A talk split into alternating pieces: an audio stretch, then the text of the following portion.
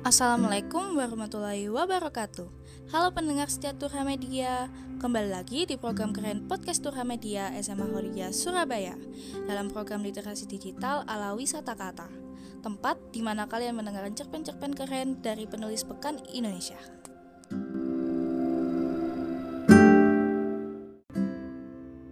Tujuan Negeri Senja oleh Seno Gumira Aji Dharma Kompas 8 November 1998 di stasiun Tugu Yogyakarta ada sebuah loket yang istimewa. Loket itu tidak menjual tiket ke Jakarta, Bandung, atau Surabaya. Tempatnya terpisah dan tampaknya selalu sepi pembeli. Padahal di masa krisis seperti sekarang, kereta api menjadi pilihan utama.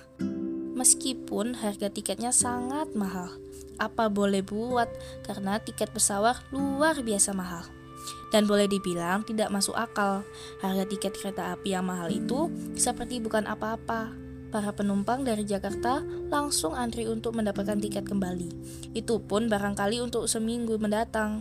Boleh dipastikan tiket untuk akhir minggu sudah ludes seminggu sebelumnya. Loket-loket itu selalu penuh dengan pengantri.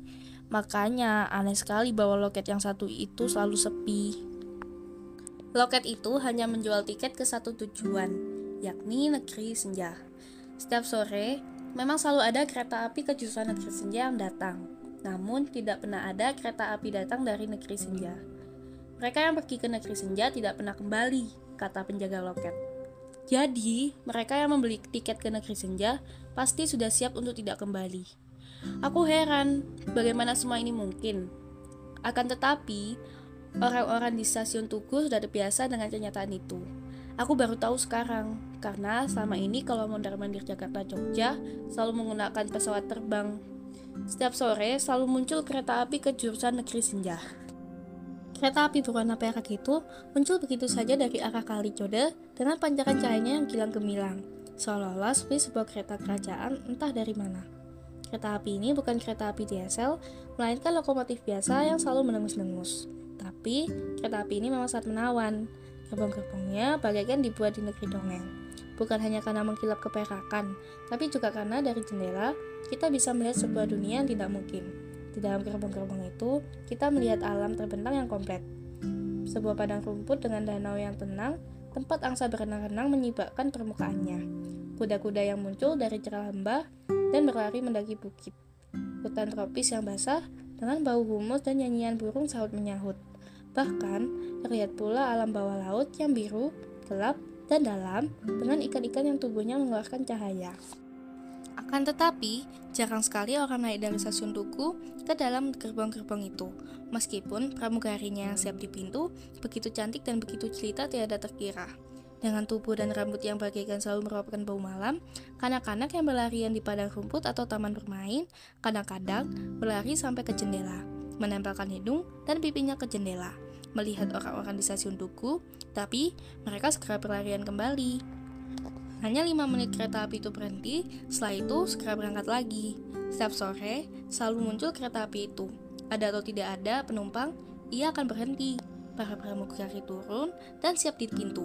Kalau tidak ada penumpang, kereta api akan berangkat lagi setelah terdengar suara peluit dari petugas, meninggalkan asap batu baranya itu yang berkepul-kepul ke langit setelah terdengar lengkingannya dari kejauhan ketika kereta api itu menghilang. Setiap kali aku ke Jogja dan pulang ke Jakarta dengan kereta api senja, ku perhatikan kereta api jurusan negeri senja itu. Siapa yang ingin pergi untuk tidak kembali?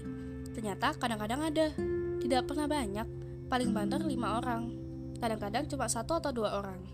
Mereka itu meskipun pergi untuk tidak kembali, tidak pernah membawa banyak barang. Berapa harga tiket ke sana? Oh, tidak perlu bayar. Jadi, mereka yang datang ke loket ini cuma perlu tanda tangan. Tanda tangan apa? Artinya, mereka setuju untuk tidak kembali. Kalau mereka berubah pikiran dan ingin kembali dari sana, tidak mungkin dan tidak pernah terjadi. Seperti apa negeri senja itu? Tidak ada yang pernah tahu. Loh, waktu membangun rel itu sampai ke mana? Wah, rel itu sudah ada sejak stasiun ini belum berdiri. Tidak ada catatan apa-apa tentang hal itu, dan memang tidak pernah ada yang tahu. Aneh sekali, Ah, orang sini sudah biasa. Adik saja yang sibuk bertanya-tanya. Aneh sekali, orang tidak kembali kok biasa. Apanya yang aneh? Ini kan cuma seperti kematian. Apa yang aneh dengan kematian? Apakah memang begitu? Apakah kita tidak perlu merasa heran dan tidak perlu bertanya-tanya hanya karena sesuatu memang tidak akan pernah kita ketahui? Kematian, kematian. Hal itu memang penuh misteri. Namun, bukankah kereta api ini bisa dikuntit lantas kita kembali lagi? Bagaimana kalau saya tanda tangan, tetapi tujuannya hanya untuk melihat-lihat negeri senja? Setelah itu kembali lagi. Boleh saja, asal siap untuk tidak kembali. Kalau saya lari, coba saja. Beranikah aku mencobanya? Aku hampir selalu pergi, selalu pergi dari satu tempat ke tempat lain, tetapi selalu kembali. Aku selalu pergi dan tahu akan kembali. Itulah sebabnya aku bisa selalu pergi, karena memang selalu akan kembali. Namun, pergi untuk tidak kembali, Ya apa sih di sana? Loh, mana kita tahu? Aku penasaran sekali sekarang. Setiap kali kulihat kereta api itu datang, ku perhatikan para penumpangnya.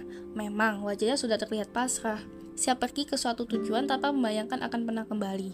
Kadang-kadang ada satu keluarga yang pergi bersama seperti mau piknik. Orang-orang yang mengantar banyak yang menangis. Jangan lupakan aku ya, teriak mereka sambil melambai-lambaikan tangan. Orang-orang yang berangkat tersenyum bahagia. Aku tidak akan pernah melupakan kamu. Jangan lupakan aku juga ya. Begitulah mereka saling melambai-lambai sampai kereta api itu menghilang di balik cakrawala. Rel menuju ke negeri senja memang khusus. Mula-mula memang searah dengan rel ke jurusan Jakarta. Tapi di suatu tempat akan memisah, berbelok ke jelas sebuah lembah.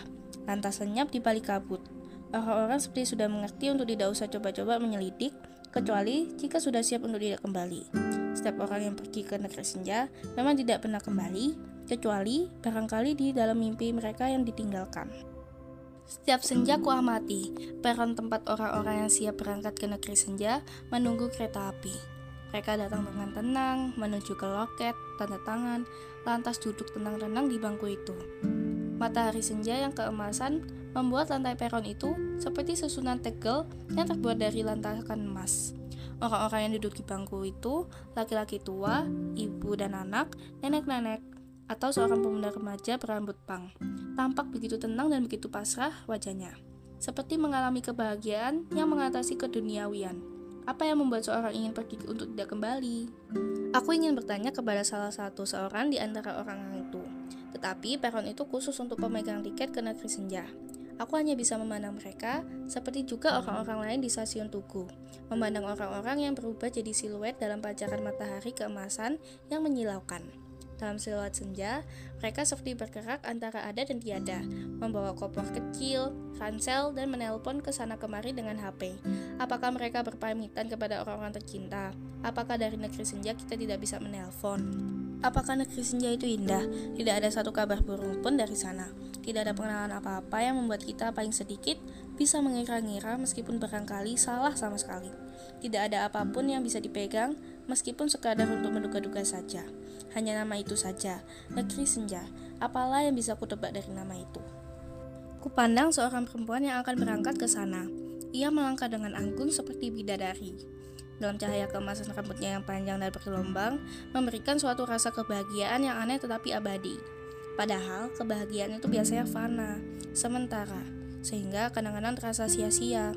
Apakah negeri senja menjanjikan suatu kebahagiaan yang abadi, sebegitu jauh, Orang-orang yang datang ke stasiun ini lebih banyak yang memilih pergi ke Jakarta daripada ke negeri senja. Banyak di antaranya juga pergi ke Jakarta untuk memburu kebahagiaan, memburu mimpi, memburu cita-cita yang terhampar di Cakrawala. Meskipun Jakarta sering terasa seperti neraka. Di stasiun Tugu, aku termenung memandang senja. Kereta api yang kilang gemilang dengan tujuan negeri senja itu tiba. Kalau aku menaiki kereta api itu, aku tidak akan pernah kembali.